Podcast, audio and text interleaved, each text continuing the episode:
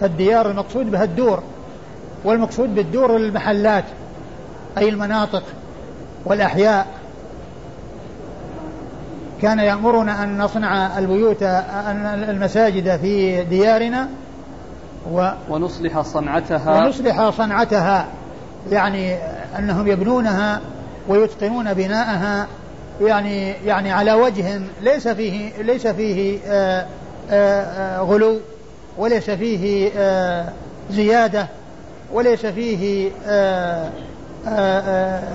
زيادة شيء عن قدر الحاجة الذي سبق أن مر التشييد ما أمرت بتشييد المساجد.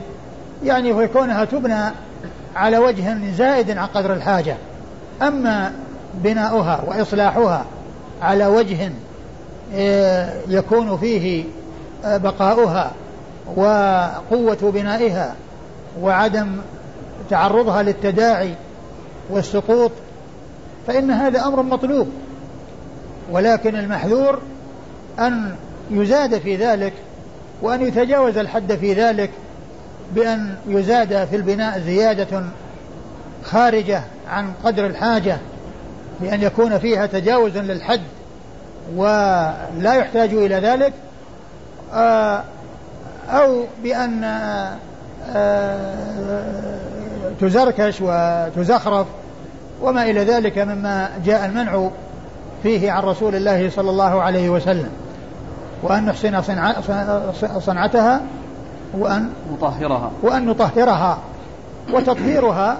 المقصود بتنظيفها يعني كونها تكون طاهرة يعني من من من, من الأوساخ ومن وعدم تعريضها للنجاسات وما إلى ذلك كل هذا يدخل تحت تطهيرها. كل ذلك يدخل تحت تطهيرها. فهو مثل الذي قبله. الحديث الحديث مثل الذي قبله. يعني دال على ما دل عليه الحديث الذي قبله من حيث بناء المساجد في الدور وكونها تطهر بمعنى أنها تنظف و سواء كان من الأنجاس أو من الأوساخ والاقذار التي هي ليست نجاسة ولكنها فيها يعني آه، آه، شيء يستنكر أو شيء يعني آه، يكره النظر إليه ومشاهدته يعني وإن لم يكن نجسا. نعم. قال حدثنا محمد بن داود بن سفيان. محمد بن داود بن سفيان مقبول أخرج حديثه أبو داود. عن يحيى يعني بن حسان. عن يحيى يعني بن حسان وهو ثقة أخرج له أصحاب الكتب إلا ابن ماجه. يحيى بن حسان التنيسي. يحيى بن حسان أخرج له أصحاب الكتب إلا ابن ماجه. إلا ابن ماجه. ثقة أخرج له أصحاب الكتب الستة إلا ابن ماجه. نعم. عن سليمان بن موسى. عن سليمان بن موسى وهو فيه لين أخرج له أبو داود. فيه لين أخرج له أبو داود وحده. عن جعفر بن سعد بن سمرة. عن جعفر بن سعد بن سمرة وهو ليس بالقوي. نعم. أخرج له أبو داود وحده. عن خبيب بن سليمان. عن خبيب بن سليمان هو مجهول. نعم. أخرج له أبو داود. نعم. أخرج له أبو داود وحده. عن أبيه سليمان بن سمرة. عن أبيه سليمان بن سمرة وهو مقبول. وهو مقبول. أخرج له أبو داود وحده. عن أبيه عن أبيه سمرة بن جندب صاحب رسول الله صلى الله عليه وسلم وحديثه أخرجه أصحاب الكتب الستة. والحديث يعني فيه من هو مقبول وفيه من هو مجهول ولكن الحديث الأول آه، يدل على ما دل عليه يعني من حيث يعني بناء المساجد يعني في الدور وكذلك تطهيرها. نعم. قال رحمه الله تعالى باب في السرج في المساجد. قال حدثنا النفيلي قال حدثنا مسكين عن سعيد بن عبد العزيز عن زياد بن أبي سودة عن ميمونة مولاة النبي صلى الله عليه وآله وسلم ورضي الله عنها أنها قالت يا رسول الله أفتنا في بيت المقدس. فقال ائتوه فصلوا فيه. وكانت البلاد إذ ذاك حربا فإن لم, تأتو فإن لم تأتوه وتصلوا فيه فابعثوا بزيت يسرج في قناديله. ثم ورد أبو داود رحمه الله باب آه، السرج في المسجد. في الم... نعم. باب السرج في المسجد في المساجد. باب السرج في المساجد يعني يعني إضاءتها وإنارتها. وهذا أمر مطلوب. أي السرج في المساجد يعني إضاءتها وإنارتها وكونها يعني آه، مضيئة. ويعني آه، آه، يعني فيها يعني مصابيح يمكن أن يعني يذهب ما يتبين ما فيها ويتبين الناس فيها ويتبين آه، آه، آه، ما في داخلها بسبب الإضاءة هذا أمر مطلوب. و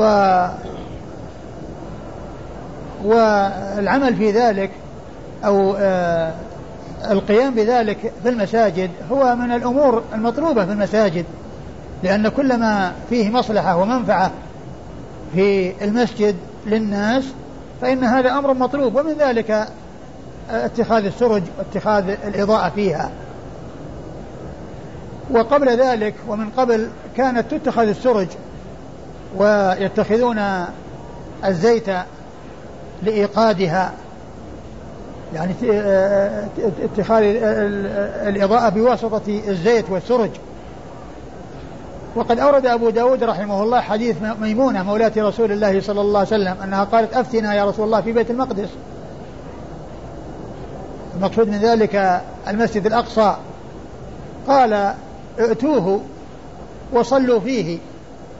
ائتوه وصلوا فيه يعني اذهبوا إليه وصلوا فيه. وهذا فيه شد الرحل إليه. وقد جاء في الحديث الصحيح لا تشد الرحال إلا إلى ثلاث مساجد المسجد الحرام والمسجد الأقصى والمسجد ومسجد هذا والمسجد الأقصى. فالمسجد الأقصى هو أحد المساجد التي لا تشد الرحال إلا إليها. فليس هناك مسجد يشد الرحل إليه ولا يذهب إلى بقعة من الأرض وقطعة من الأرض من أجل التعبد فيها إلا لهذه المساجد الثلاثة. ولا يقال إن المقصود هو الذهاب للمساجد لأنه لا يذهب لأي مسجد إلا المساجد الثلاثة.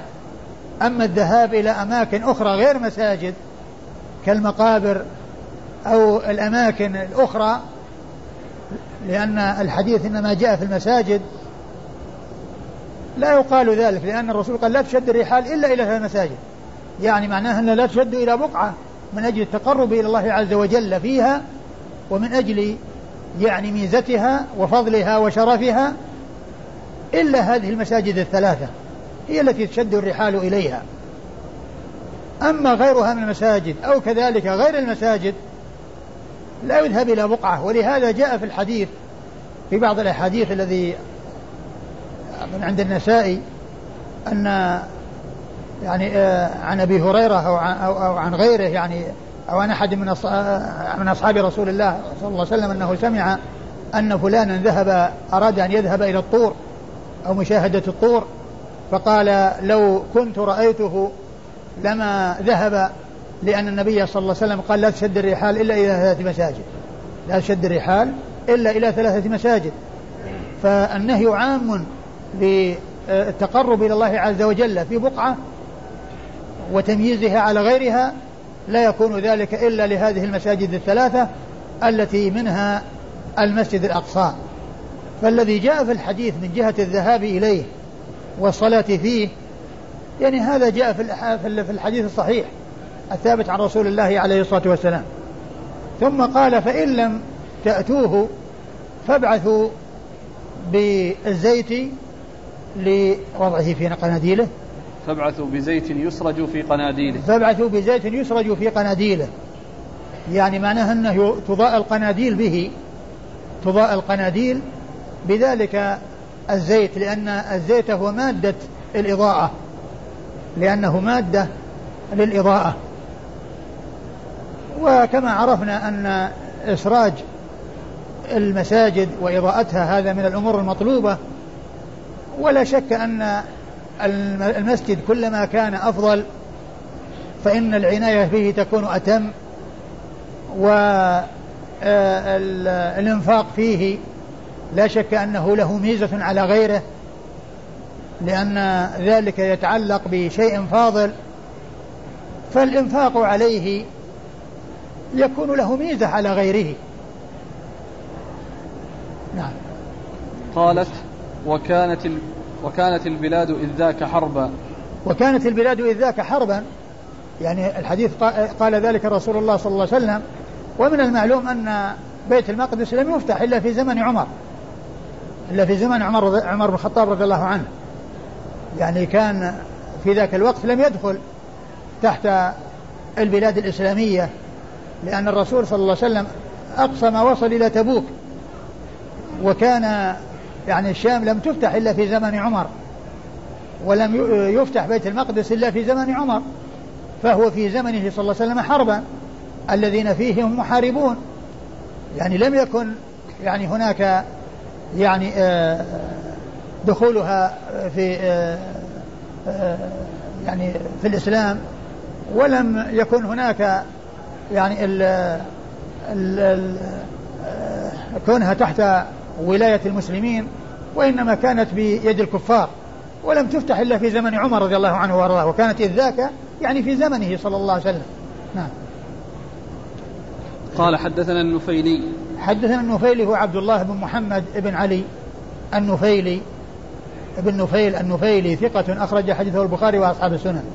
عن مسكين. عن مسكين بن بكير وهو صدوق يخطئ. نعم. صدوق يخطئ. نعم أخرج له البخاري. وهو صدوق يخطئ أخرج له البخاري. البخاري ومسلم وأبو داود والنسائي. البخاري ومسلم وأبو داود والنسائي. عن سعيد بن عبد العزيز.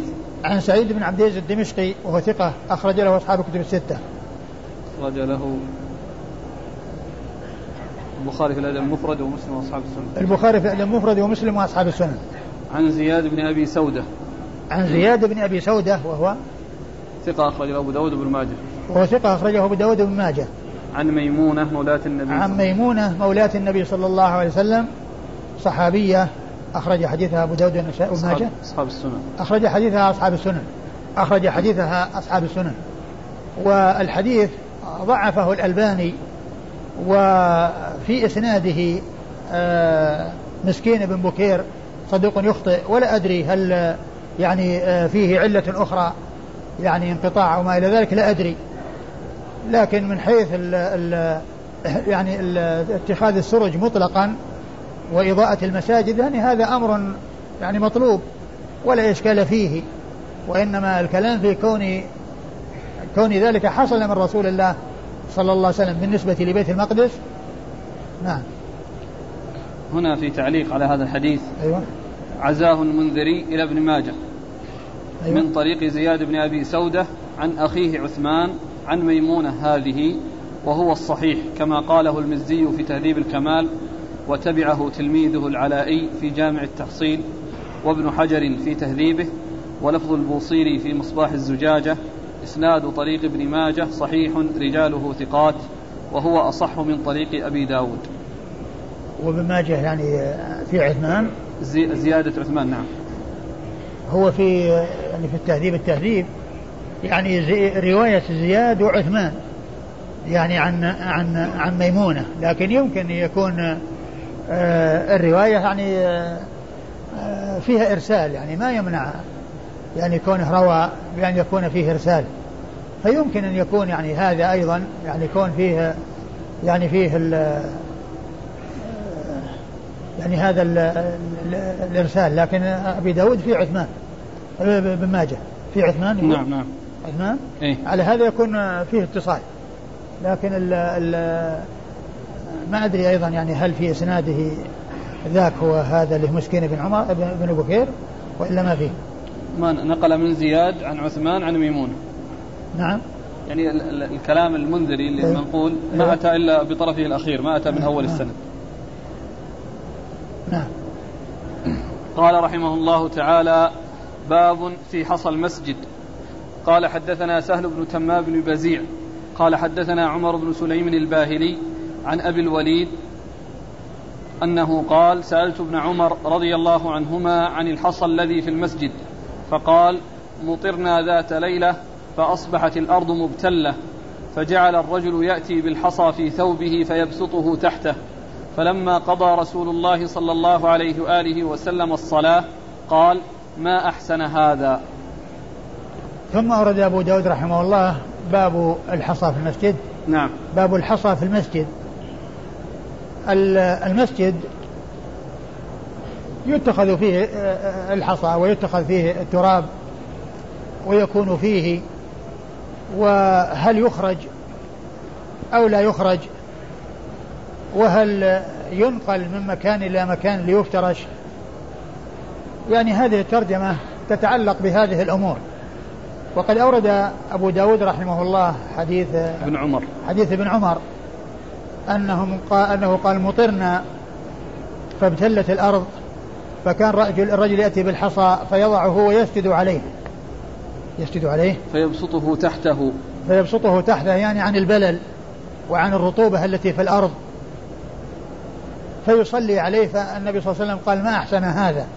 يعني ما أحسن هذا العمل الذي هو اتخاذ يعني الحصى ليتقى به الصلاة على الأرض المبتلة التي يحصل بها ابتلال الثياب فيكون ذلك الحصى الذي وضع في مكان ذلك البلل واقيا من ذلك. فالنبي صلى الله عليه وسلم قال ما أحسن هذا؟ يعني ما أحسن هذا العمل الذي هو اتخاذ هذا اتخاذ الحصى ليحصل به الوقاية.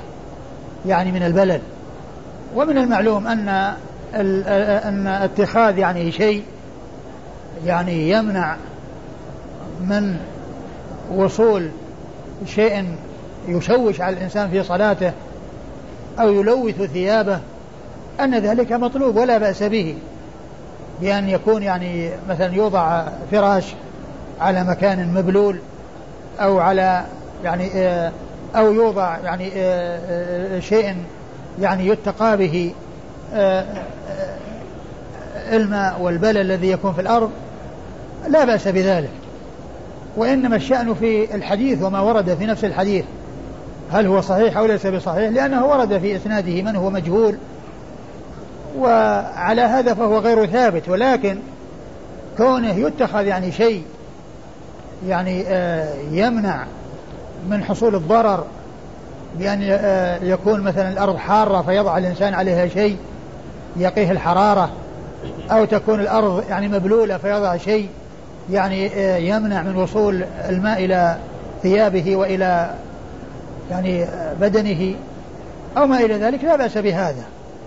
وأما الحديث وما ورد في الحديث ففي بعض إسناده أو في رجال إسناده من هو مجهول فهو غير ثابت ولكن اتخاذ شيء يمنع مما فيه أذى وضرر لا بأس به وليس هناك مانع يمنع منه. نعم. قال حدثنا سهل بن تمام بن بزيع. سهل بن تمام بن بزيع ثقة أخرج له صدوق. صدوق يخطئ. صدوق يخطئ أخرج له أبو داود وحده. نعم نعم. صدوق يخطئ أخرج له أبو داود وحده. عن عمر بن سليم الباهلي. عن عمر بن سليم الباهلي وهو صدوق له أوهام أخرج صدوق له أوهام أخرج له أبو داود بن ماجه. أخرج له أبو داود بن ماجه. عن أبي الوليد. عن أبي الوليد وهو الذي يروي عن ابن عمر. نعم. يروي عن ابن عمر وهو مجهول أخرج له أبو داود وحده. نعم. مجهول أخرج له أبو داود وحده. عن ابن عمر. عن ابن عمر عبد الله بن عمر بن الخطاب. رضي الله تعالى عنهما الصحابي المشهور أحد العبادلة الأربعة من الصحابة وأحد السبعة المعروفين بكثرة الحديث عن النبي صلى الله عليه وسلم. يقول أبو الوليد سألت ابن عمر عن الحصى الذي في المسجد. نعم. يعني سؤاله يعني من أين أتى أو كيف مجيئه؟ إيش بعده؟ قال. أو يقول سألت ابن عمر عن الحصى الذي في المسجد فقال مطرنا ذات ليلة. سؤال يعني الحكم أو سؤال عن متى وجد هذا الأمر؟ ما أدري يعني ما أدري يعني ما أدري إيش المقصود بالسؤال. قال حدثنا عثمان لكن لكن ابن عمر رضي الله عنه يعني في الحديث يعني أو فيما دل عليه الحديث أو فيما يقتضيه الحديث وإن كان غير ثابت يعني معناه إن فيه فائدة. إن فيه فائدة. ومن المعلوم أن المساجد يعني كان يكون فيها التراب ويكون فيها الحصباء يعني فهي يكون فيها التراب النظيف وفيها الحصباء نعم. أي مسجد؟ أي. لا ما في حصى لا ما في إلا بلاط. أبدا ليس في زمن الرسول. أبدا تروح وتجي. ليست في زمن الرسول صلى الله عليه وسلم. وإنما الحصى كما هو معلوم يؤتى به ثم يعني عندما يعني يتغير يعني لونه أو يتغير يعني كان في وقت قريب يعني يكون معه الحب ينثرون معه الحب ثم ينتن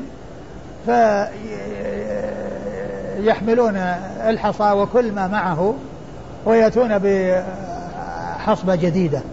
يعني كان في مكة وفي المدينة. يعني ينتن كثرة وضع الناس الحب للحمام. ثم بعد ذلك يعفن ويظهر رائحة كريهة فيحملون الحصى وما مع الحصى من ذلك من تلك الحبوب ويأتون بحصبة أخرى. ليس معنى هذا أن الحصبة اللي كانت موجودة أنها بل الحصبة تروح وتأتي تذهب وتأتي يذهب بحصبة ويؤتى بحصبة أخرى. نعم. يعني لا مجال للتبرك. لا أصلا أصلا كما هو معلوم يعني أولا الآن لا يوجد الحصى في الوقت الحاضر وقبل ذلك كان موجود ولكنه يعني يذهب ويأتي. قال حدثنا عثمان بن أبي شيبة قال حدثنا أبو معاوية ووكيع قال حدثنا الأعمش عن أبي صالح قال كان يقال إن الرجل إذا أخرج الحصى من المسجد يناشده. ثم أورد أبو داود هذا الأثر عن أبي صالح السمان ذكوان. كان يقال كان يقال إن الرجل إذا أخرج الحصى من المسجد يناشده يعني يناشده يعني يسأله أو يعني يطلب منه ألا يخرجه يعني حتى يكون في تلك تلك البقعة الطيبة. هذا هو المقصود يعني من من, من الأثر. وهو يعني مقطوع يعني كما هو معلوم لأنه يعني كلام تابعي. هو من كلام تابعي يعني كان يقال وهو صحيح إليه. ولكن لا يثبت به حجة ولا يدل ولا يثبت به حكم. ومن المعلوم أن الحصى يعني آه الذي في المسجد عند الحاجة إلى إخراجه وإبداله لا بأس بذلك. وكذلك البلاط الذي يبلط به المسجد إذا احتيج إلى تغييره وتبديله والاتيان بشيء بدله تدعو الحاجة إليه لا بأس بذلك. ف ولم يثبت يعني في يعني المنع من إخراجه شيء. ولو ولو ثبت شيء لحمل ذلك على على ما إذا لم يكن هناك أمر يقتضيه. أما إذا وجد شيء يقتضيه بأن كان منظره كريه أو يعني توسخ وصار له منظر يعني غير مستحسن فإن إخراجه يعني والحالة هذه لا بأس به. وعلى كل إخراج الحصى وإدخاله وتبديله وتغييره لا بأس بذلك وليس هناك مانع يمنع منه. قال حدثنا عثمان بن أبي شيبة. عثمان بن أبي شيبة هو ثقة أخرج حديثه أصحاب الكتب الستة إلا الترمذي. عن أبي معاوية. عن أبي معاوية محمد بن خازم الضرير الكوفي ثقة أخرج له أصحاب الكتب الستة. ووكيع. ووكيع بن الجراح الرؤاسي الكوفي ثقة أخرج له أصحاب الكتب الستة. عن الأعمش عن الأعمش وهو سليمان بن مهران الكاهلي. ثقة أخرج له أصحاب الكتب الستة. عن أبي صالح. عن أبي صالح ذكوان السمان. اسمه ذكوان ولقبه السمان. وهو ثقة أخرج له أصحاب الكتب الستة. قال حدثنا محمد بن إسحاق أبو بكر يعني الصاغاني. قال حدثنا أبو بدر شجاع بن الوليد. قال حدثنا شريك. قال حدثنا أبو حصين عن أبي صالح عن أبي هريرة رضي الله عنه.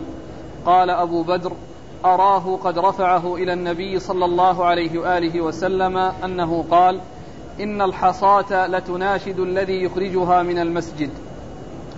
ثم ورد أبو داود رحمه الله الأثر من طريق أخرى وهو إلى أبي هريرة وأحد رواته يعني يشك في أنه مرفوع حيث قال أراه رفعه إلى رسول الله صلى الله عليه وسلم يعني يظن أنه رفعه إلى رسول الله. صلى الله عليه وسلم. و وهو مثل الذي قبله.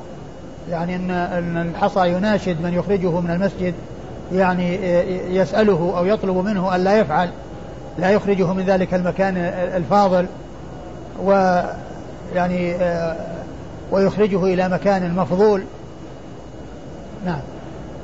قال حدثنا محمد بن إسحاق أبو بكر يعني الصاغاني. محمد بن إسحاق أبو بكر يعني الصاغاني وهو ثقة أخرج له. مسلم وأصحاب السنن. أخرجه مسلم وأصحاب السنن. وهنا قوله يعني الصاغاني هذا الذي قالها من دون أبي داود لأن هذا شيخ أبي داود. وعلى هذا فكلمة يعني التي أتي بها لتوضيح من هو محمد بن إسحاق أبو بكر وأنه الصاغاني. هذه ممن دون أبي داود لأن أبا داود لا يحتاج إلى أن يقول يعني وإنما يقول الصاغاني بدون كلمة يعني وكلمة يعني هذه لها قائل ولها فاعل فقائلها قائلها من دون أبي داود. قال من دون أبي داود الصاغاني أي أن أبا داود يقصد بقوله محمد بن إسحاق أبو بكر يقصد الصاغاني. ففي هذا مما ما يوضح أن يعني بعض هذه أن أن أن, أن الألفاظ التي فيها كلمة يعني أو كلمة هو أنها قد أنها تكون يعني ممن دون المؤلف وممن دون صاحب الكتاب لأن صاحب الكتاب لا يحتاج أن يعبر بهذه العبارة لأنه يأتي بنسب شيخه كما يريد له أن يطيل فيه وله أن يقصر في ذكر النسب. له أن يختصر النسب وله أن يطيل فيه. ولكن الذي يحتاج إلى ذلك من دون التلميذ هو الذي يحتاج إلى مثل هذه العبارة. نعم. عن عن أبي بدر شجاع بن الوليد. عن أبي بدر شجاع بن الوليد وهو صدوق له أوهام صدوق له أوهام أخرج له أصحاب الكتب. صدوق له أوهام أخرج له أصحاب الكتب الستة. عن شريك. عن شريك بن عبد الله النخعي الكوفي وهو صدوق يخطئ كثيرا وحديثه أخرجه البخاري تعليقا ومسلم وأصحاب السنن عن أبي حصين. عن أبي حصين وهو عثمان بن عاصم. عثمان عثمان بن عاصم وهو ثقة نعم. أخرج له البخاري. أصحاب الكتب. أخرج ثقة أخرجه أصحاب الكتب الستة. عن أبي صالح عن أبي هريرة. عن أبي صالح وهو ذكوان استمان مر ذكره. عن أبي هريرة عبد الرحمن بن صخر الدوسي صاحب رسول الله صلى الله عليه وسلم و وأحد السبعة المعروفين بكثرة الحديث عن النبي صلى الله عليه وسلم وبل هو أكثرهم على الإطلاق رضي الله عنه وأرضاه. وأحد رواته وهو شيخ شيخ أبي داود شيخ أبي بكر الصاغاني وهو أبو بدر شجاع بن الوليد. يشك في أن أبا هريرة أبا أن أبا هريرة رفعه إلى رسول الله صلى الله عليه وسلم. والحديث ضعفه الألباني أيضا. نعم. قال رحمه الله تعالى باب في كنس المسجد. قال حدثنا عبد الوهاب بن عبد الحكم الخزاز.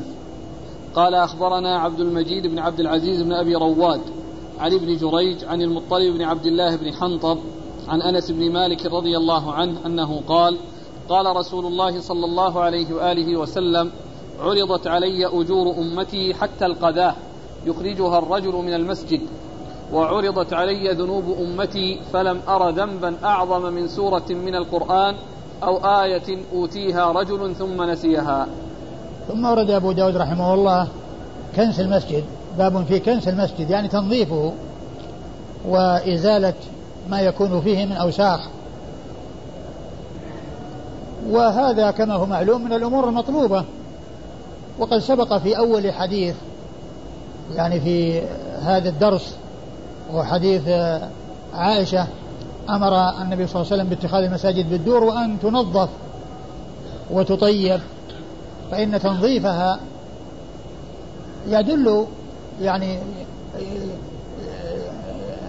تنظيفها هو كنسها وإزالة ما يكون فيها من أوساخ سواء كانت نجسة أو طاهرة ولكنها قذرة.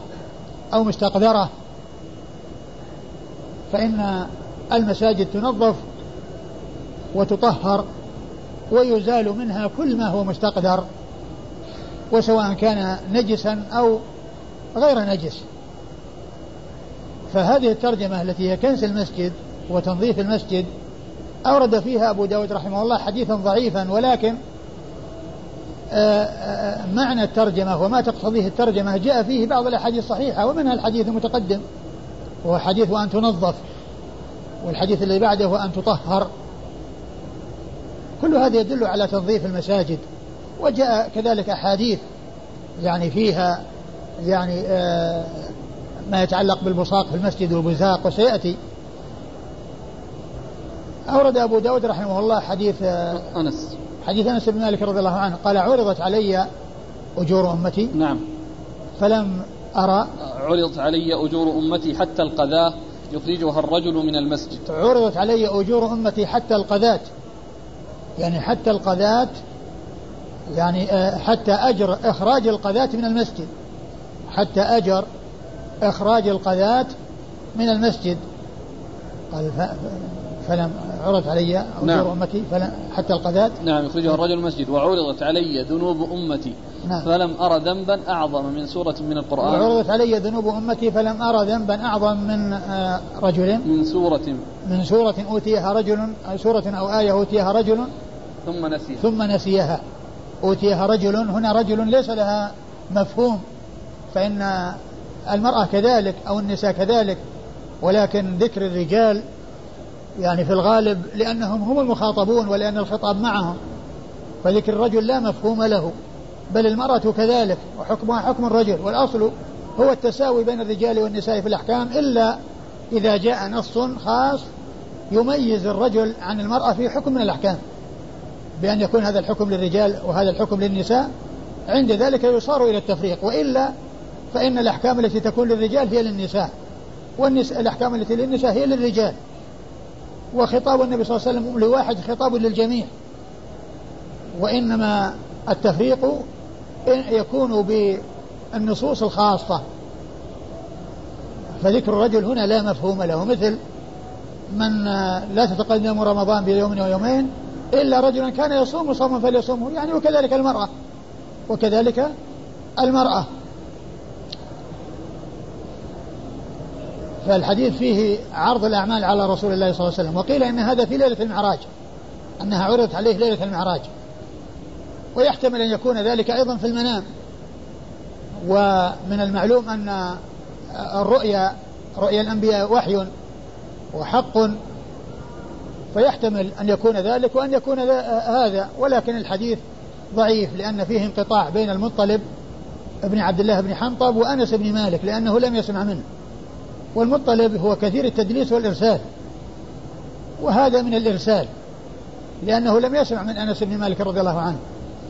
وفيه أيضا أحد رجاله عبد المجيد بن عبد العزيز بن أبي رواد وفيه كلام. نعم. بالنسبة لقضية ولم فلم أرى ذنبا أعظم من سورة من القرآن أوتيها. يعني آه هذا كما هو معلوم يقصد به فيما إذا كان الإنسان قد أعرض عنه ورغب عنه. أما إذا كان حصل نسيانا بأن حصل منه آه، كسل أو تغافل أو يعني آه، آه، طول ترك من غير من غير قصد فإن فإن فإنه لا حرج على الإنسان في ذلك ولكنه خسر خسارة كبيرة حيث فاته مغنم كبير يعني يتمكن من قراءة القرآن في نومه وفي سيره وفي آه، جميع أحواله لأنه إذا كان محفوظا عنده يتمكن بخلاف ما إذا كان غير محفوظ فإنه لا يتمكن إلا بالمصحف والمصحف لا يتيسر له أن يقرأ إلا حيث آه، يتيسر له ذلك. أما إذا كان نائما وفي ظلام فإنه لا يتمكن من القراءة في المصحف إنما يقرأ من صدره ومن حفظه. فلا شك أنه خسر خسارة عظيمة وفاته خير كثير. وإذا كان الإنسان يعني أعرض عنه فإنه خطأ كبير فإنه خطأ كبير. ومن المعلوم أن حفظ القرآن ليس بواجب ولكنه من الأمور المطلوبة والأمور التي آه، يحتاج إليها الإنسان حتى يتمكن من القراءة في أي وقت شاء وعلى أي حال شاء. والحديث كما هو معلوم ضعيف غير ثابت لأن فيه الانقطاع بين المطلب بن عبد الله بن حنطب, بن حنطب وأنس بن مالك رضي الله عنه. قال حدثنا عبد الوهاب بن عبد الحكم الخزاز. عبد الوهاب بن عبد الملك الخزاز وهو ثقة أخرجه أبو داود والترمذي والنسائي. ثقة أخرجه أبو داود والترمذي والنسائي. عن عبد المجيد بن عبد العزيز بن أبي رواد. عن عبد المجيد بن عبد العزيز بن أبي رواد وهو صدوق يخطئ. صدوق يخطئ أخرج حديثه. مسلم وأصحاب السنن. أخرج حديثه مسلم وأصحاب السنن. عن ابن جريج. عن ابن جريج عبد الملك بن عبد العزيز بن جريج وهو ثقة يرسل ويدلس وحديثه أخرجه أصحاب الكتب الستة. عن المطلب بن عبد الله بن حنطب. عن المطلب بن عبد الله بن حنطب وهو صدوق كثير التدليس والإرسال وحديثه أخرجه مسلم وأصحاب السنن. البخاري في جزء القراءة وأصحاب السنن. البخاري في جزء القراءة وأصحاب السنن. عن أنس بن مالك. عن أنس بن مالك رضي الله عنه خادم رسول الله عليه الصلاة والسلام وأحد السبعة المعروفين بكثرة الحديث عن النبي صلى الله عليه وسلم. قال رحمه الله تعالى باب في اعتزال النساء في المساجد عن الرجال قال حدثنا عبد الله بن عمرو أبو معمر قال حدثنا عبد الوارث قال حدثنا أيوب عن نافع عن ابن عمر رضي الله عنهما أنه قال قال رسول الله صلى الله عليه وآله وسلم لو تركنا هذا الباب للنساء قال نافع فلم يدخل منه ابن عمر رضي الله عنهما حتى مات وقال غير عبد الوارث قال عمر وهو أصح أعد الإسناد؟ قال, قال حدثنا عبد الله بن عمرو أبو معمر. أيوة. قال حدثنا عبد الوارث.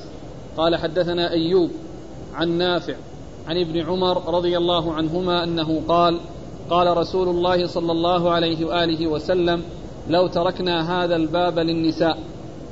قال نافع فلم يدخل منه ابن عمر حتى مات. وقال غير عبد الوارث قال عمر وهو أصح.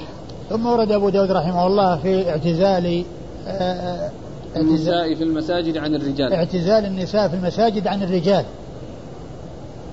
المقصود من هذه الترجمة هو عدم الاختلاط بين الرجال والنساء بحيث تكون النساء متميزة عن الرجال والرجال متميزون عن النساء وسواء كان ذلك في الدخول من الأبواب أو في المكث في المسجد.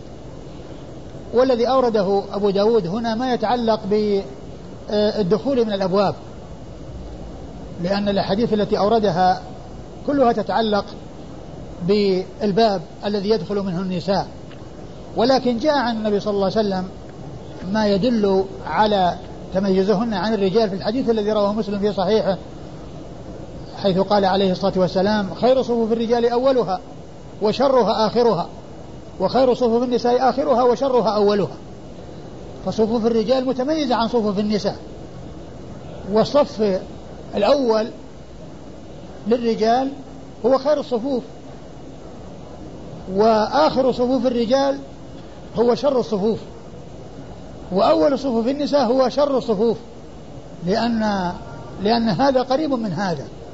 هذا الذي هو شر صفوف الرجال قريب من صف من شر صفوف النساء. وآخر صفوف النساء هو الذي يكون أفضل للبعد عن الرجال.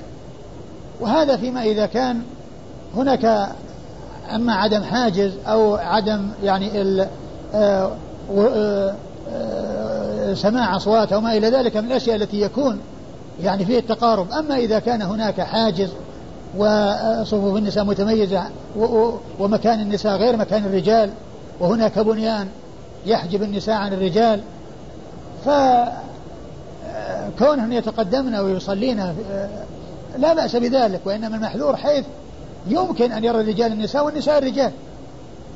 فإذا حديث أبي هريرة الذي في صحيح مسلم يدل على يعني ابتعاد النساء عن الرجال وابتعاد الرجال عن النساء. والحديث الذي أورده أبو داود عن عن عن ابن عمر رضي الله تعالى عنهما أن النبي صلى الله عليه وسلم قال لو تركنا هذا الباب للنساء لو تركنا نعم. لو تركنا هذا الباب للنساء يشير إلى باب من أبواب المسجد. لو تركنا هذا الباب للنساء يعني تدخل معه النساء. فهذا فيه دليل على اتخاذ أو تخصيص بعض الأبواب لتدخل منه النساء حتى لا تزاحم الرجال وحتى لا يحصل الاختلاط بين الرجال والنساء. فالسنة جاءت بتمييزهن في المكث في المسجد كما جاء في حديث أبي هريرة وكذلك أيضا في الدخول إلى المسجد كما جاء في حديث ابن عمر الذي أورده أبو داود هنا. أيوة.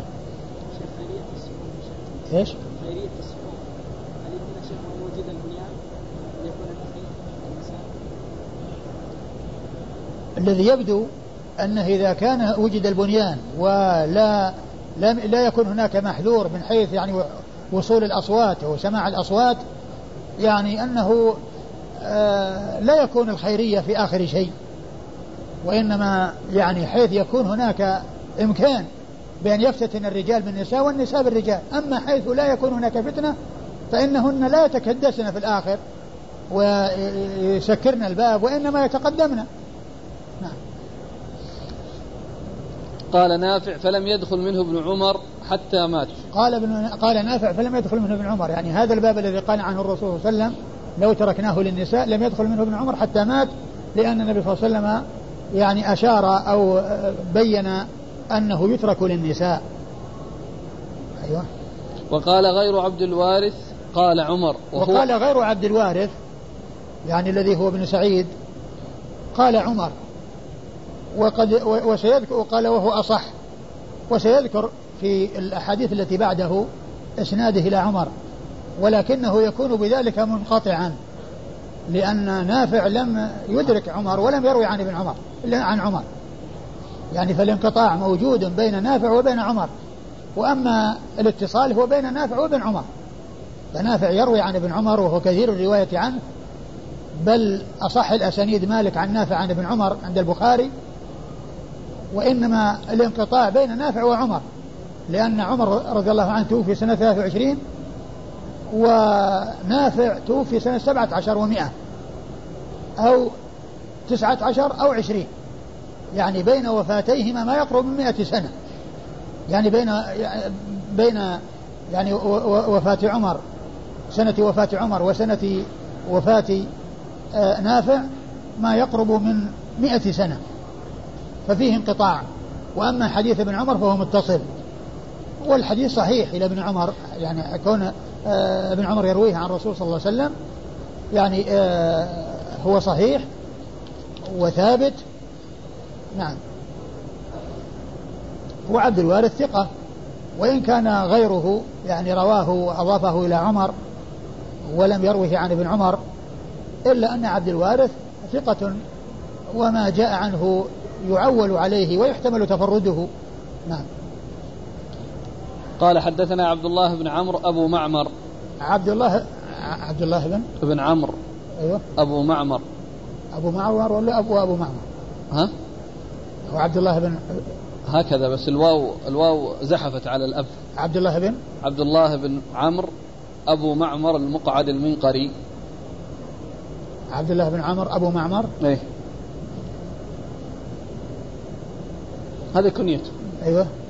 في التقريب. أيوه. والحديث سيأتي في 571 أيوه.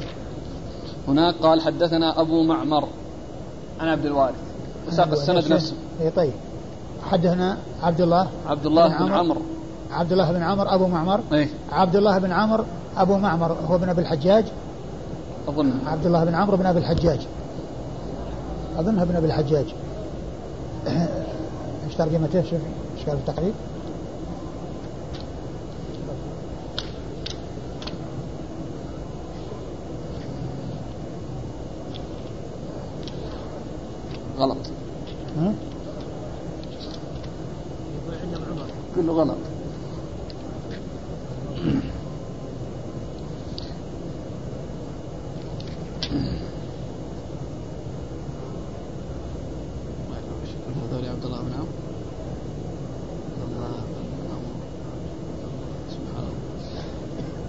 بن عمرو بن أبي الحجاج؟ إي نعم عبد الله بن عمرو بن أبي الحجاج التميمي أبو معمر المقعد المنقري واسم أبي الحجاج ميسرة. لكن هناك عبد الله بن عمر عبد الله بن عمر آه، وهو من شيوخ أبي داود.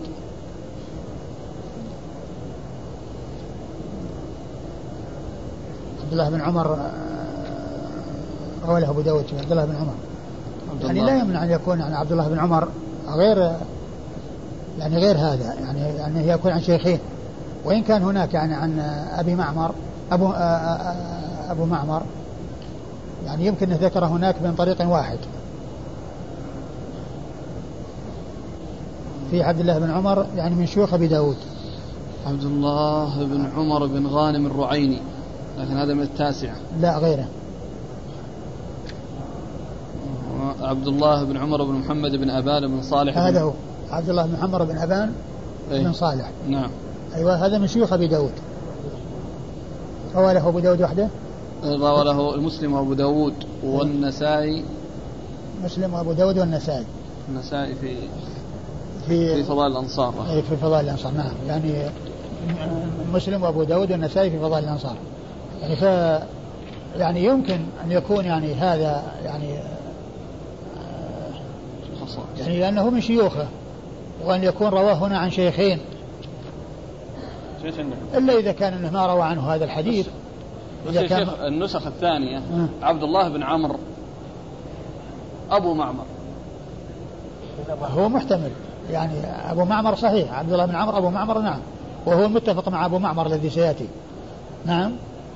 إيه وجود هذا الاحتمال الثاني يعني وجود نسخة ولا شيء من ذلك. والله ما أدري لكنه يعني ممكن.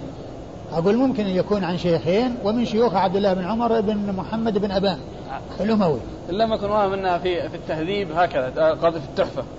إيه يمكن. يمكن. نراجع إن شاء الله. نعم يمكن. عن عبد الوارث. على كل يعني هو يعني آه، لا يؤثر شيء هو الزيادة يعني إما إما إما شخصان ثقتان وإما شخص واحد. نعم. عن عبد الوارث عبد, عبد الله بن عبد الله عبد الله بن آه، آه، آه، بن عمر بن محمد بن ابن أبان. هذا ثقة أخرج له مسلم وأبو داود والنسائي في الخصائص في الخصائص. وأبو معمر عبد الله بن عمرو بن أبي الحجاج وهو ثقة نعم. أخرج له. أصحاب الكتب. ثقة أخرجه أصحاب الكتب الستة. نعم. عن عبد الوارث.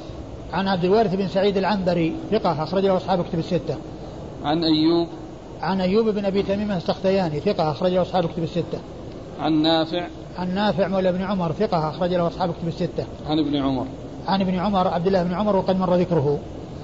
قال حدثنا محمد بن قدامة بن أعين قال حدثنا إسماعيل عن أيوب عن نافع أنه قال قال عمر بن الخطاب رضي الله عنه بمعناه وهو أصح ثم ورد أبو داود الحديث من طريق عمر وهو يعني وهو موقوف عليه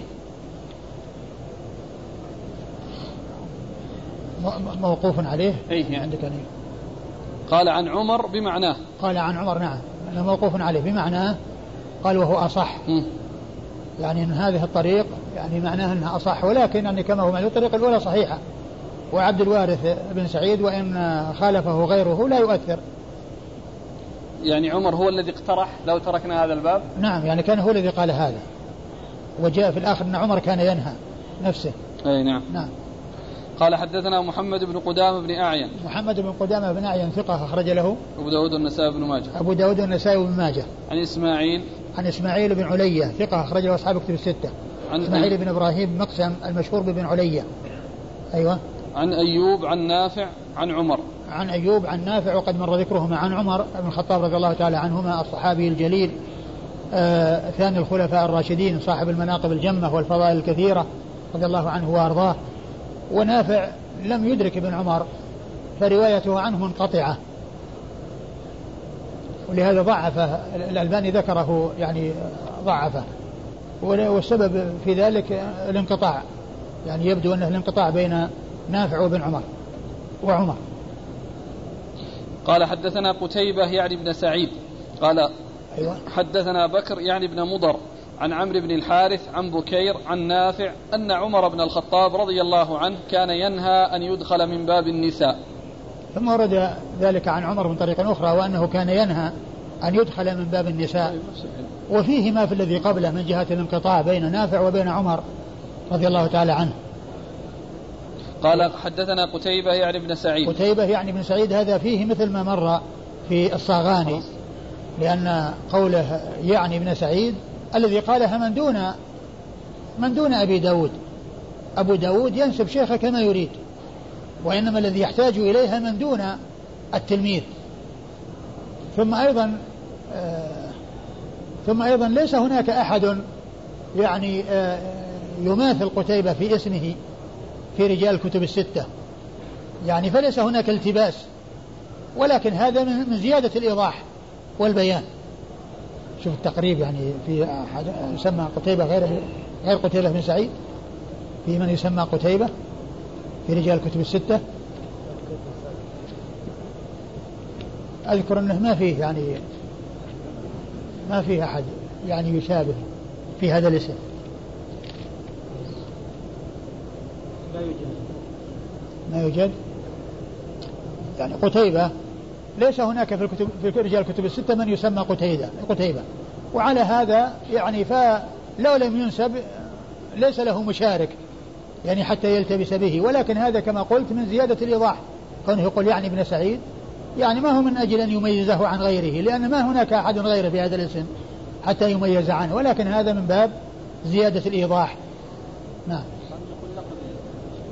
نعم.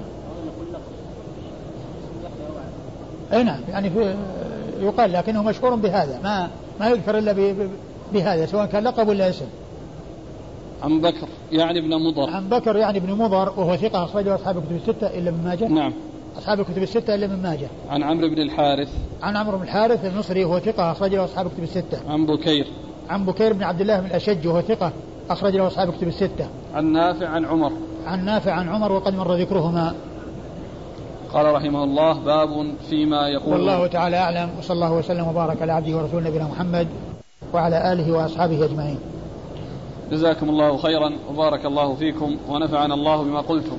هنا عدة أسئلة في قضية صيام يوم السبت لموافقتها الأيام البيض ومن يريد أن يصومها في الست من شوال فحكم صيامه منفردا أو موصولا. أولا صيام يوم السبت اختلف فيه العلماء هل هل لا يصام أو أنه يصام؟ فمنهم من قال أنه يصام مطلقا وأنه لا مانع من صيامه. بسم الله الرحمن الرحيم.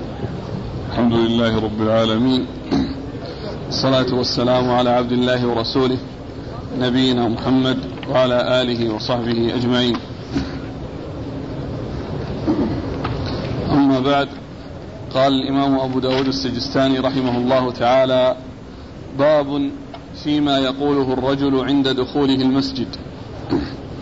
قال حدثنا محمد بن عثمان الدمشقي قال حدثنا عبد العزيز يعني الدراوردي عن ربيع بن أبي عبد الرحمن عن عبد الملك بن سعيد بن سويد أنه قال سمعت أبا حميد أو أبا أسيد الأنصاري رضي الله عنه يقول قال رسول الله صلى الله عليه وآله وسلم إذا دخل أحدكم المسجد فليسلم على النبي صلى الله عليه وآله وسلم ثم ليقل اللهم افتح لي أبواب رحمتك. فإذا خرج فليقل اللهم إني أسألك من فضلك. بسم الله الرحمن الرحيم. الحمد لله رب العالمين وصلى الله وسلم وبارك على عبده ورسوله نبينا محمد وعلى آله وأصحابه أجمعين. أما بعد يقول الإمام أبو داود رحمة الله عليه باب ما, باب ما يقوله عند دخوله المسجد.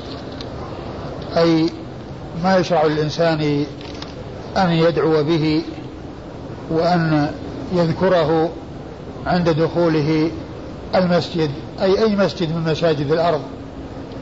فإن الإنسان يشرع له أن يأتي بذلك الذكر عند دخوله المسجد وعند الخروج منه كما جاء في الحديث عن رسول الله صلى الله عليه وسلم. والمقصود أن للمسجد آدابا منها أن يأتي بالذكر المشروع عند دخول المسجد وعند الخروج منه أي أي مسجد من مساجد الدنيا. لا يختص ذلك بمسجد معين وإنما في المساجد كلها. فعندما يدخل المسجد يصلي ويسلم على رسول الله صلى الله عليه وسلم ويسأل الله أن يفتح له أبواب رحمته وعند خروجه مثل ذلك إلا أنه يسأل الله من فضله.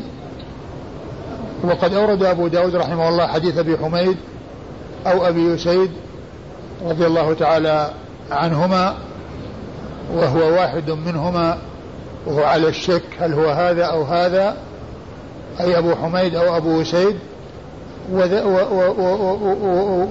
وقد ذكر الحديث عن رسول الله صلى الله عليه وسلم قال إذا إذا دخل أحدكم المسجد فليسلم على النبي صلى الله عليه وسلم إذا دخل أحد المسجد يعني أراد الدخول يعني إذا أراد الدخول ليس المقصود من ذلك أنه بعد دخوله يقول ذلك وإنما عند الدخول. فإذا دخل يعني إذا أراد الدخول. مثل قوله إذا قمتم إلى الصلاة يعني أردتم القيام للصلاة. يعني معناه أن, الإنسان يتوضأ إذا أراد القيام للصلاة. إذا قمتم إلى الصلاة فاغسلوا وجوهكم إذا أردتم القيام. وهنا إذا دخل المسجد أي أراد دخول المسجد فإنه يأتي عند دخول المسجد بهذا الذكر. أنه يسلم على النبي صلى الله عليه وسلم أي ويصلي, ويصلي عليه. يعني يأتي بالصلاة والسلام عليه صلى الله عليه وسلم. ثم يسأل الله عز وجل أن يفتح له أبواب رحمته. فليسلم على النبي صلى الله عليه وسلم. نعم. ثم يقول اللهم افتح لي أبواب رحمتك. ثم ليقول اللهم افتح لي أبواب رحمتك. اللهم افتح لي أبواب رحمتك. وذلك أنه عند الدخول الصلاة والسلام على الرسول صلى الله عليه وسلم عند الدخول والخروج. يذكر هذا وهذا عند الخروج والدخول. وأما عند الدخول فيقول اللهم افتح لي أبواب رحمتك. اللهم افتح لي أبواب رحمتك. وذلك أنه دخل المسجد يريد التقرب إلى الله عز وجل بالعبادات التي شرعت في المسجد فهو يسأل الله أن يفتح له أبواب رحمته بأن يوفقه لكل خير. وأن يرحمه وأن يرفع درجته عنده. وأما عند الخروج منه الذي كون الإنسان أراد أن يخرج المسجد ويذهب إلى بيته أو يذهب إلى عمله فإنه يصلي ويسلم على رسول الله عليه الصلاة والسلام ويسأل الله من فضله. فناسب عند الدخول أن أن يسأل أبواب الرحمة أن تفتح له أبواب الرحمة وعند الخروج أن آه، أن أن يفتح لي أبواب فضلك ولا قال فأسألك من فضلك؟ كيف؟ أسألك من فضلك وافتح لي أبواب الرحمة أسألك من فضلك. أسألك من فضلك. وعند الخروج يقول اللهم إني أسألك من فضلك. و وذلك أنه عندما يخرج يعني فيسأل الله من فضله الرزق والرزق الحلال. فناسب أن يكون ذكر سؤال السؤال من الفضل عند الخروج وسؤال الرحمة عند الدخول. والله عز وجل يقول فإذا قضي الصلاة فانتشروا في الأرض وابتغوا من فضل الله. وابتغوا من فضل الله. يعني يسألون الله من من رزقه ومن فضله. يعني عندما يخرجون من من المسجد وعندما ينتهون من الصلاة. فجاءت المناسبة عند الدخول آه، في ذكر الرحمة وعند الخروج في ذكر السؤال سؤال الله عز وجل من فضله. وقوله اللهم افتح لي أبواب رحمتك الرحمة تأتي ويراد بها الصفة لله عز وجل ويراد بها أثر الصفة ويراد بها أثر الصفة. ومن آثار الصفة الجنة فإنها من رحمة الله عز وجل. وقد جاء في الحديث أن أن الله عز وجل كما في الحديث القدسي قال للجنة إنك رحمتي أرحم بك من أشاء. وقال للنار إنك عذابي أعذب بك من أشاء. فقال عن الجنة أنها رحمة فهي من آثار رحمة الله وكذلك المئة الرحمة التي خلقها الله. هذه من آثار الصفة. وإذا فهناك صفة قائمة بالله عز وجل وهي الرحمة وهناك آثار للصفة وهو ما خلقه الله عز وجل مما يكرم به أولياءه. ومما يحصل من التراحم فيما بينهم مما خلقه الله عز وجل من الرحمة التي يتراحم بها الناس وكذلك أيضا الجنة التي هي من آثار رحمة الله كما جاء بذلك الحديث القدسي عن رسول الله صلى الله عليه وسلم. نعم. قال حدثنا محمد بن عثمان الدمشقي. حدثنا محمد بن عثمان الدمشقي وهو ثقة أخرج له أبو داود وابن ماجه. وهو ثقة أخرجه أبو داود وابن ماجه. عن عبد العزيز يعني الدراوردي. عن عبد العزيز يعني الدراوردي. عبد العزيز بن محمد الدراوردي وهو صدوق أخرج حديثه أصحاب الكتب الستة. عن ربيعة بن أبي عبد الرحمن. عن ربيعة بن أبي عبد الرحمن المشهور بربيعة الرأي وهو ثقة أخرج له أصحاب الكتب الستة. عن عبد الملك بن سعيد بن سويد. عن عبد الملك بن سعيد بن سويد وهو ثقة أخرج له مسلم وأبو داود والنسائي بن ماجه. وهو ثقة أخرج حديثه مسلم وأبو داود والنسائي وابن ماجه.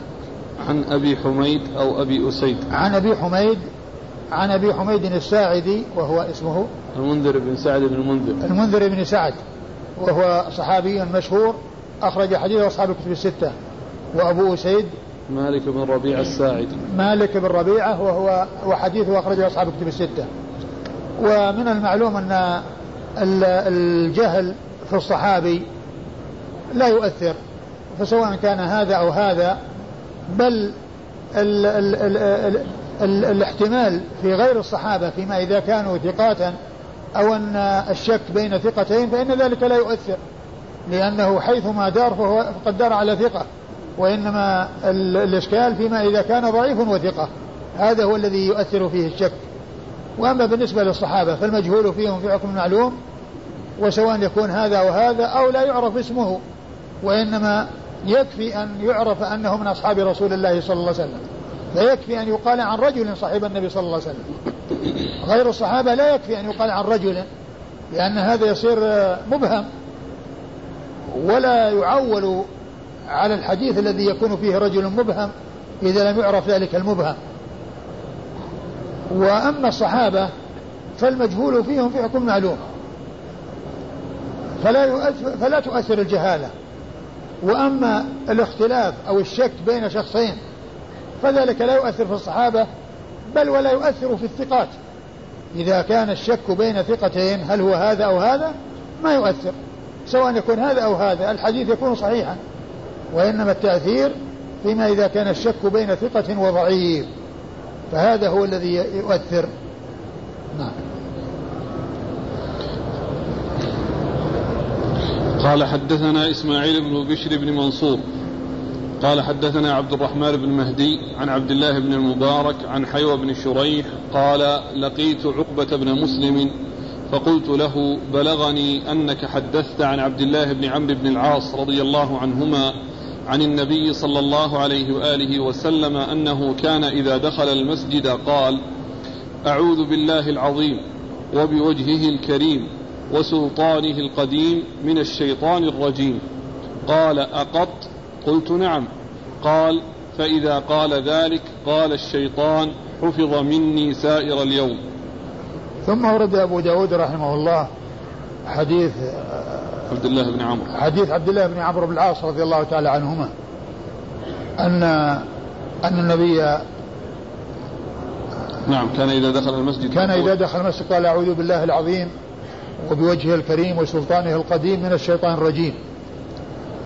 وكان آه، عقبة بن مسلم حدث عن عبد الله بن عمرو في هذا الحديث فلقيه حيوة بن شريح وقال أنك بلغني أنك حدثت عن عبد الله بن عمرو عن رسول الله صلى الله عليه وسلم بهذا الحديث وساقه إلى قوله أعوذ بالله من الشيطان الرجيم.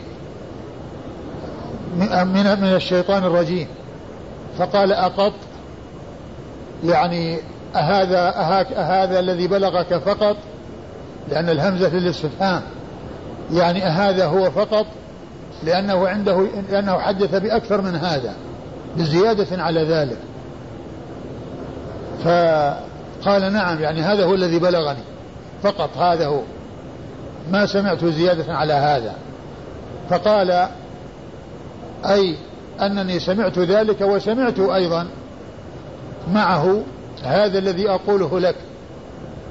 فإذا قال الشيطان قال الشيطان فإذا قال ذلك قال الشيطان حفظ مني سائر اليوم. فإذا قال الشيطان ذلك قال حفظ مني سائر اليوم.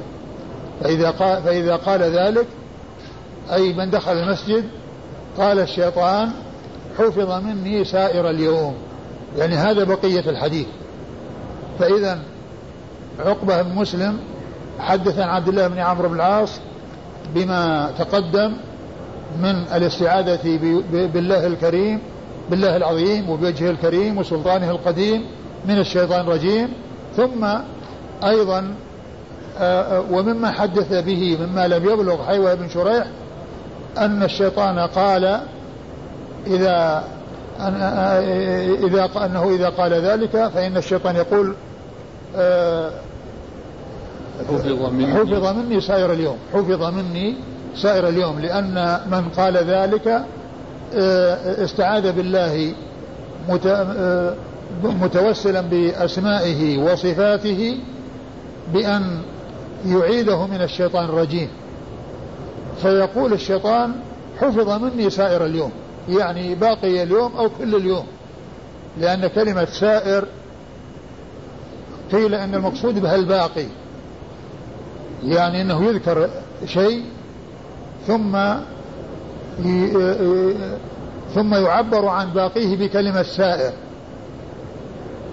وقيل إن المقصود بها جميع وأنها ليست مقصورة على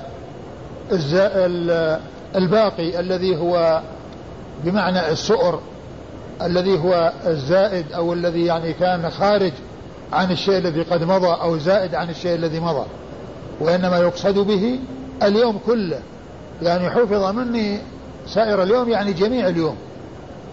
وعلى أحد المعنيين في اللغة أن سائر يراد بها الباقي. فهي إما أن يراد بها باقي الشيء بعد أن يذكر شيء قبله أو يراد بها الجميع.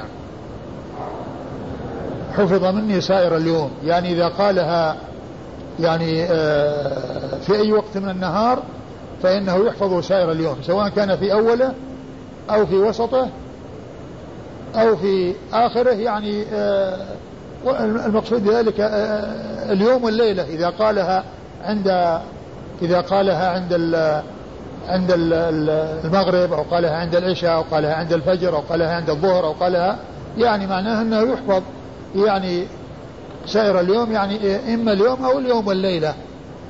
ومعنى هذا أنه في أن في ذلك حفظ من الشيطان وأنه يترتب على هذا الدعاء العظيم هذه المنفعة الكبيرة وهي الحفظ من الشيطان. أعوذ بالله العظيم وبوجهه الكريم وسلطانه القديم. وهذا يفيد بأن المقصود بالسلطان صفة من صفات الله وهي صفة آه، سلطته وملكوته وعظمته وغلبته لأنه لا يستعاذ بمخلوق. والحديث جاء فيه الاستعاذة بالله عز وجل وبصفاته. وأما كلمة القديم فالمقصود بها الأزلي يعني الذي ليس له بداية. الذي هو صفاته وقدرته وغلبته وقهره يعني متصف بذلك أزلا. ولكن ليس من أسماء الله القديم. فليس من الأسماء ولكن هذا وصف لقهره وغلبته وأن ذلك أزلي.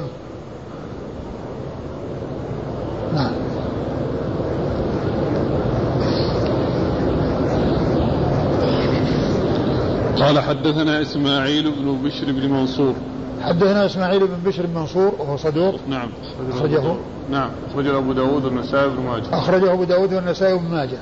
عن عبد الرحمن عن عبد الرحمن بن مهدي وهو البصري ثقة أخرج له أصحاب الكتب الستة. عن عبد, عن عبد الله بن المبارك المروزي ثقة أخرج له أصحاب الكتب الستة. عن حيوة بن شريح المصري ثقة أخرج له أصحاب الكتب الستة. عن عقبة بن مسلم المصري وهو ثقة أخرج له مسلم. البخاري في الأدب المفرد وأبو داود والترمذي والنسائي. البخاري في الأدب المفرد وأبو داود والترمذي والنسائي. عن عبد, عن عبد الله بن عمرو بن العاص رضي الله تعالى عنهما الصحابي الجليل أحد العبادلة الأربعة من الصحابة وأحد السبعة المعروفين بكثرة أحد العبادلة الأربعة من الصحابة وهو آه، آه، وهو وهم عبد الله بن عمرو وعبد الله بن عمر وعبد الله بن الزبير وعبد الله بن عباس. وأما الذي من السبعة المعروفين بالكثرة وهو عبد الله بن عمر. نعم. قال رحمه يعني العبادة الأربعة فيهم اثنان معروفان بكثرة الحديث عن النبي صلى الله عليه وسلم وهو ابن عباس وابن عمر. وأما ابن الزبير وابن عمر فهؤلاء ليسوا من الذين بلغت أحاديثهم بالكثرة التي تصل إلى حد السبعة الذين عرفوا بكثرة الحديث عن النبي صلى الله عليه وسلم ولكنهم جميعا يقال لهم العبادلة الأربعة من أصحاب الرسول عليه الصلاة والسلام لأنهم من صغار الصحابة وفي سن متقارب مع أنه يوجد في الصحابة كثيرون من يقال له عبد الله ولكن لقب العبادلة اشتهر به هؤلاء الأربعة لأنهم متقاربون في السن ولأنهم من صغار الصحابة وقد أدركهم من لم يدرك كبار الصحابة. مثل عبد الله بن مسعود رضي الله عنه الذي توفي سنة 32 فإنه آه، متقدم الوفاة ولم يدركه من أدرك ابن عمر وابن عباس وابن الزبير وعبد الله بن عمرو الذين هم من صغار الصحابة وقد عاشوا بعد عبد الله بن مسعود. وكذلك أيضا يعني غير عبد الله بن مسعود يقال له عبد الله كعبد الله بن آه، بن قيس الذي هو أبو موسى الأشعري عدد كبير من الصحابة يقال لهم عبد الله ولكن الذي اشتهر بلقب العبادة الأربعة هؤلاء الأربعة من الصحابة. وحديث عبد الله بن عمرو أخرجه أصحاب كتب الستة. قال رحمه الله تعالى باب ما جاء في الصلاة عند دخول المسجد. قال حدثنا القعنبي قال حدثنا مالك عن عامر بن عبد الله بن الزبير عن عمرو بن سليم الزرقي عن أبي قتادة رضي الله عنه أن رسول الله صلى الله عليه وآله وسلم قال إذا جاء أحدكم المسجد فليصلي سجدتين من قبل أن يجلس. ثم أورد أبو داود رحمه الله هذه الترجمة باب ما جاء في الصلاة عند دخول المسجد. باب ما جاء في الصلاة عند دخول المسجد يعني تحية المسجد. أن الإنسان إذا دخل المسجد يصلي ركعتين قبل أن يجلس. أورد فيه حديث أبي قتادة الأنصاري رضي الله عنه أن النبي صلى الله عليه وسلم قال إذا جاء أحدكم المسجد فليصلي سجدتين قبل أن يجلس. يعني يصلي ركعتين لأن المقصود بالسجدتين الركعتين ويطلق على الركعة بأنها سجدة. كما يقال ركعة يقال سجدة. تسمية للكل باسم البعض لأن منها السجود ومنها الركوع لكن الذي غلب في الاستعمال ذكر الركعة ويأتي ذكر الركعة وذكر السجدة كما جاء في الحديث أنه قال فليركع فليصلي سجدتين يعني ركعتين قبل أن يجلس. والمقصود بالركعتين يعني آه، معناها الحد الأدنى إذا أراد أن يصلي أكثر من ذلك لا بأس ولكنه لا يصلي أقل من ركعتين لأنه لا يتنفل بأقل من ركعتين ولا تصلى الركعة الواحدة إلا في الوتر ولا يصلي الركعة الواحدة إلا في الوتر يعني آه، يصلي الإنسان ما شاء من الليل ويختم ذلك بركعة. صلاة الليل مثنى مثنى فإذا خشى أحدكم الصبح أتى بركعة توتر ما مضى. وإلا فإن التنفل عندما يتنفل الإنسان لا يتنفل بأقل من ركعتين ولا يصلي ركعة واحدة فقط يتنفل بها. وقوله ركعتين يعني هي الحد الأدنى. فلو أراد أن يصلي أراد دخل المسجد وأراد أن يصلي ما شاء غير الركعتين له أن يصلي.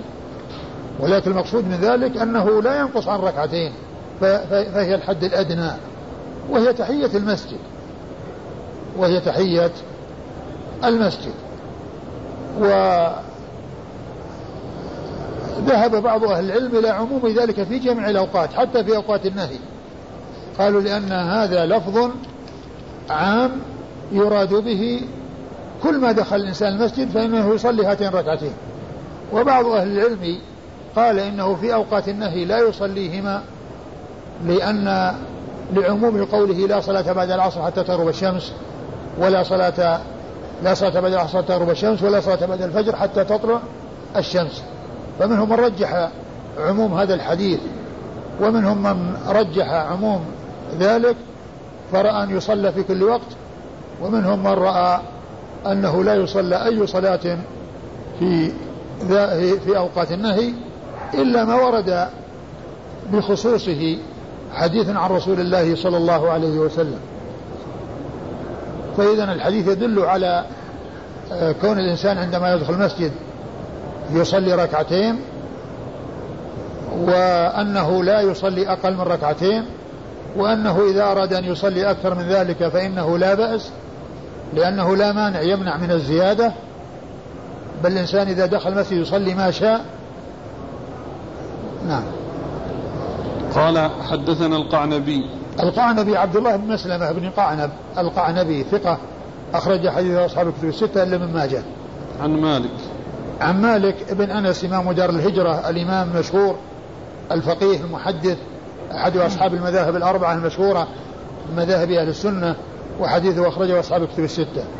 عن عامر بن عبد الله بن الزبير. عن عامر بن عبد الله بن الزبير وهو ثقة أخرج له أصحاب الكتب الستة.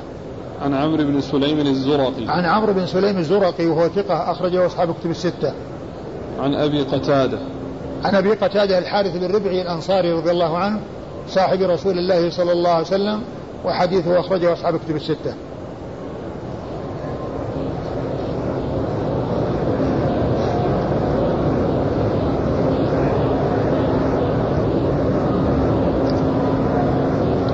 قال حدثنا مسدد قال حدثنا عبد الواحد بن زياد قال حدثنا أبو عميس عتبة بن عبد الله عن عامر بن عبد الله بن الزبير عن رجل من بني زريق عن أبي قتادة رضي الله عنه عن النبي صلى الله عليه وآله وسلم بنحوه زاد ثم ليقعد بعد إن شاء أو ليذهب لحاجته. ثم ورد أبو داود رحمه الله حديث الحديث من طريق أخرى عن أبي قتادة وهو نحو الذي تقدم يعني معناه أنه يتفق معه في المعنى ويختلف في بعض الألفاظ. لأن كلمة نحو يعني تعني الاتفاق في المعنى بخلاف مثل فإنها تعني المماثلة باللفظ والمعنى. كلمة مثل إذا قيل بمثله يعني أنه باللفظ والمعنى وإذا قيل بنحوه أي بنحو اللفظ وبمثله في المعنى. يعني معناه المعنى متفق واللفظ فيه اختلاف. وزاد ثم ليقعد بعد ذلك أو لينصرف إلى حاجته. بعد ثم ليقعد ثم ليقعد بعد إن شاء أو ليذهب لحاجته. ثم ليقعد بعد إن شاء أو يذهب لحاجته. يعني من دخل المسجد ل يعني آه، يصلي ركعتين ثم ليجلس أو يذهب إلى حاجته. أو يذهب إلى حاجته. نعم. قال حدثنا مسدد. مسدد بن مسرهد ثقة أخرج حديثه البخاري وأبو داود والترمذي والنسائي. عن أبي الواحد بن زياد وهو ثقة أخرج له. أصحاب الكتب. أخرج له أصحاب الكتب الستة. عن أبي عميس عتبة بن عبد الله. عن أبي عميس عتبة بن عبد الله المسعودي وهو ثقة. نعم. أخرج له أصحاب الكتب. نعم. أخرج له أصحاب الكتب الستة. عن عامر بن عبد الله بن الزبير عن رجل من بني زريق. عن عامر بن عبد الله بن الزبير وقد تقدم عن رجل من بني زريق وهو هنا مبهم ولكنه مسمى في الطريق الأولى. وهو عمرو بن سليم الزرقي. عمرو بن سليم الزرقي فهو مسمى في الطريق السابقة. نعم. عن أبي قتادة. عن أبي قتادة. إذا دخل الإنسان من باب من باب المسجد وخرج من الباب الآخر. هل يسن له؟ هو لا يريد الجلوس فقط المرور. هل يسن له؟ والله الذي ورد الحديث في رواية في بعض الروايات فلا يجلس حتى يصلي ركعتين.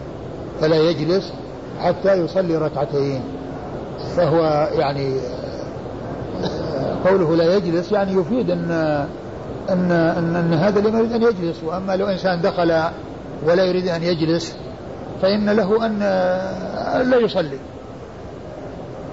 الأخ يقول دخل وخرج يريد يكلم له شخص في الحرم مثلا وخرج ما هو بجالس ما دام ما جلس ما, ما لأنه ما أقول ما حصل منه الجلوس الذي لابد أن يصلي قبل قبله ركعتين.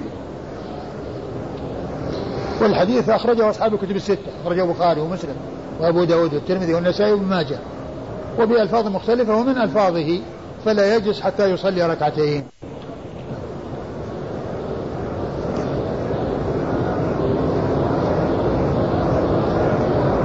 لأنه هذه اللفظة الأخيرة؟ مثل الإنسان اللي عابر السبيل.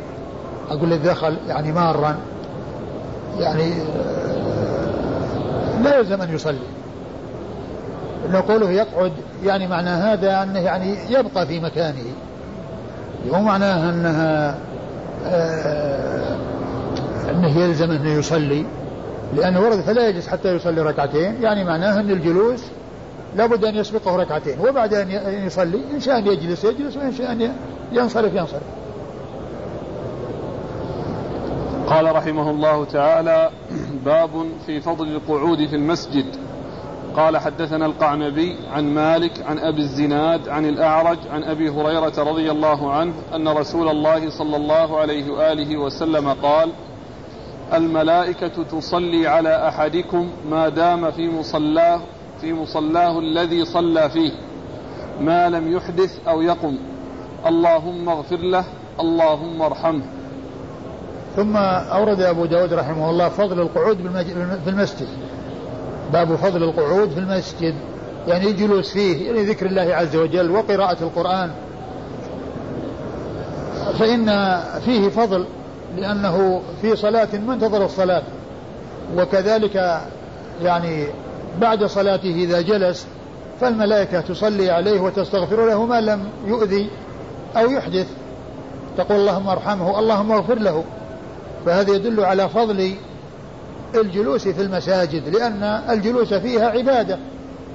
لأنها ليس لأنها خير البقاع كما جاء في حديث في صحيح مسلم. أحب البقاع إلى الله أحق أحب البقاع إلى الله مساجدها وأبغضها أسواقها. فثبت في صحيح مسلم أنها أحب البقاع إلى الله عز وجل. يعني أحسن مكان في البلد المسجد. لأنه مكان عبادة. ومكان ذكر الله عز وجل والصلاة وقراءة القرآن. بخلاف الأسواق فإنها آه، محل الصخب ومحل الأخذ والرد والكلام وعدم التمسك والتقيد بما يتقيد في المسجد. ولهذا المساجد يعني لا يشتغل فيها في أمور الدنيا فلا ينشد فيها ضالة ولا يطلب يعني آه، ولا ولا يباع فيها ويشترى وإنما هي لذكر الله عز وجل وعبادته. فالإنسان إذا جلس في المسجد هو على خير لأنه في مكان عبادة ليس فيه انشغال في الدنيا وليس مكان انشغال في أمور الدنيا لا بيع ولا شراء. ولا إنشاد ضالة ولا غير ذلك لأنها لأنه لأن المساجد أماكن العبادة فالقعود فيها الإنسان على خير سواء كان ذلك قبل الصلاة أو بعد الصلاة. سواء كان قبل الصلاة إذا جاء مبكرا وجلس ينتظر الصلاة هو في صلاة ما انتظر الصلاة؟ الصلاة تحبسه يعني معناه ينتظر الصلاة هو جالس ينتظر الصلاة هو على خير. فإذا وصل مبكرا إلى المسجد وجلس يقرأ القرآن أو يذكر الله وينتظر الصلاة فإنه في صلاة. والملائكة تدعو له وتدعو له بالرحمة والمغفرة. وقد أورد أبو داود رحمه الله حديث أبي هريرة. حديث أبي هريرة رضي الله عنه. قال الملائكة نعم. تصلي على أحدكم ما دام في مصلاه الذي صلى فيه. تصلي على أحدكم ما دام في مصلاه الذي صلى فيه. تقول ما لم يحدث أو يقم ما لم ما لم يحدث أو يقم؟ نعم. ما لم يحدث أو يقم تقول اللهم اغفر له اللهم ارحمه. الملائكة تصلي يعني تدعو لأن صلاة الملائكة هي الدعاء. صلاة الملائكة للمؤمنين هي الدعاء. والله تعالى يقول إن الله وملائكته يصلون على النبي فصلاة الله عز وجل على نبيه ذكره في الملأ الأعلى وصلاة الملائكة الدعاء له. وصلاة المسلمين عليه أن يقولون اللهم صل وسلم على رسول الله. يصلون ويسلمون عليه يعني يدعون له بأن يصلي الله عليه ويسلم عليه صلى الله عليه وسلم. فكذلك هم يدعون ويصلون على الذين يجلسون في المساجد. سواء كانوا ينتظرون الصلاة أو أنهم قد فرغوا من الصلاة ولكنهم جلسوا يذكرون الله ويقرؤون القرآن. ما لم الملائكة تصلي على على أحدكم ما دام في مصلاه ما لم يحدث نعم. أو, أو يقم نعم. ما لم يحدث أو يقم يعني يترك المكان الذي آه، صلى فيه. تقول أي في دعائها وصلاتها لأن هذا تقول اللهم صل هذا تفسير للصلاة. يعني والصلاة المقصود بها الدعاء. ومن المعلوم أن الصلاة هي في اللغة الدعاء. وسميت الصلاة المفروضة ذات آه، آه، الأفعال والأقوال المعروفة سميت صلاة لأن يعني ال ال آه، أكثر الهيئات اللي فيها فيها دعاء. فالإنسان وهو قائم في دعاء الاستفتاح وفيه قراءة الفاتحة وهي دعاء وكذلك قراءة القرآن وكذلك أيضا التكبير الله أكبر وعند القيام من الركوع يعني فيه ثناء ودعاء وفي الركوع كذلك ثناء ودعاء وفي السجود وبين السجدتين وفي التشهد كل ذلك دعاء. فقيل للصلاة دعاء مع أن الصلاة هي ليست مقصورة على الدعاء بل هي أقوال وأفعال مبتدأة بالتكبير ومختتمة بالتسليم. والصلاة في اللغة الدعاء. يعني فالأقوال التي تكون في الصلاة هي دعاء. ما لم يحدث أو يقم. ما لم يحدث يعني ينتقض وضوءه. يعني ما دام على طهارة. وفيها وفي هذا فضل آه، البقاء في المسجد على الطهارة. لأنه إذا كان على غير طهارة يعني ما حصل له هذا الفضل. لأن النبي صلى الله عليه وسلم قال ما لم يحدث. يعني ما دام قائما وجالسا وهو على طهارة يذكر الله ويقرأ القرآن فهو على خير وهو آه، له هذا الدعاء من الملائكة. أو يقوم يعني آه، يترك مصلاه. هذا يأثم الإنسان فيه. يتحدث في العقار وتحدث في الدنيا هذا يحصل إثما.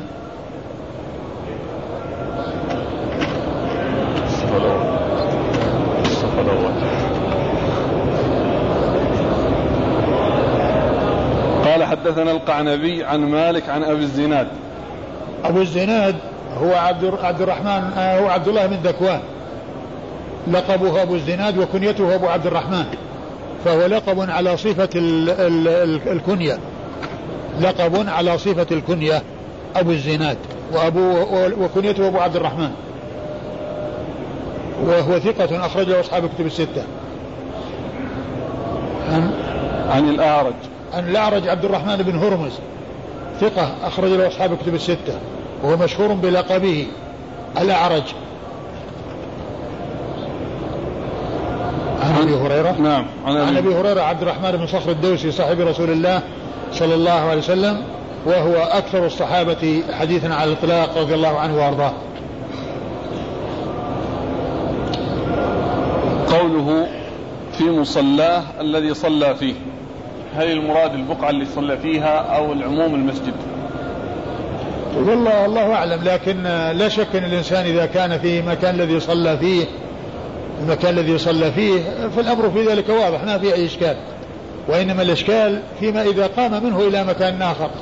وهو لا شك أنه على خير ما دام أنه في المسجد ما دام أنه موجود في المسجد فهو على خير.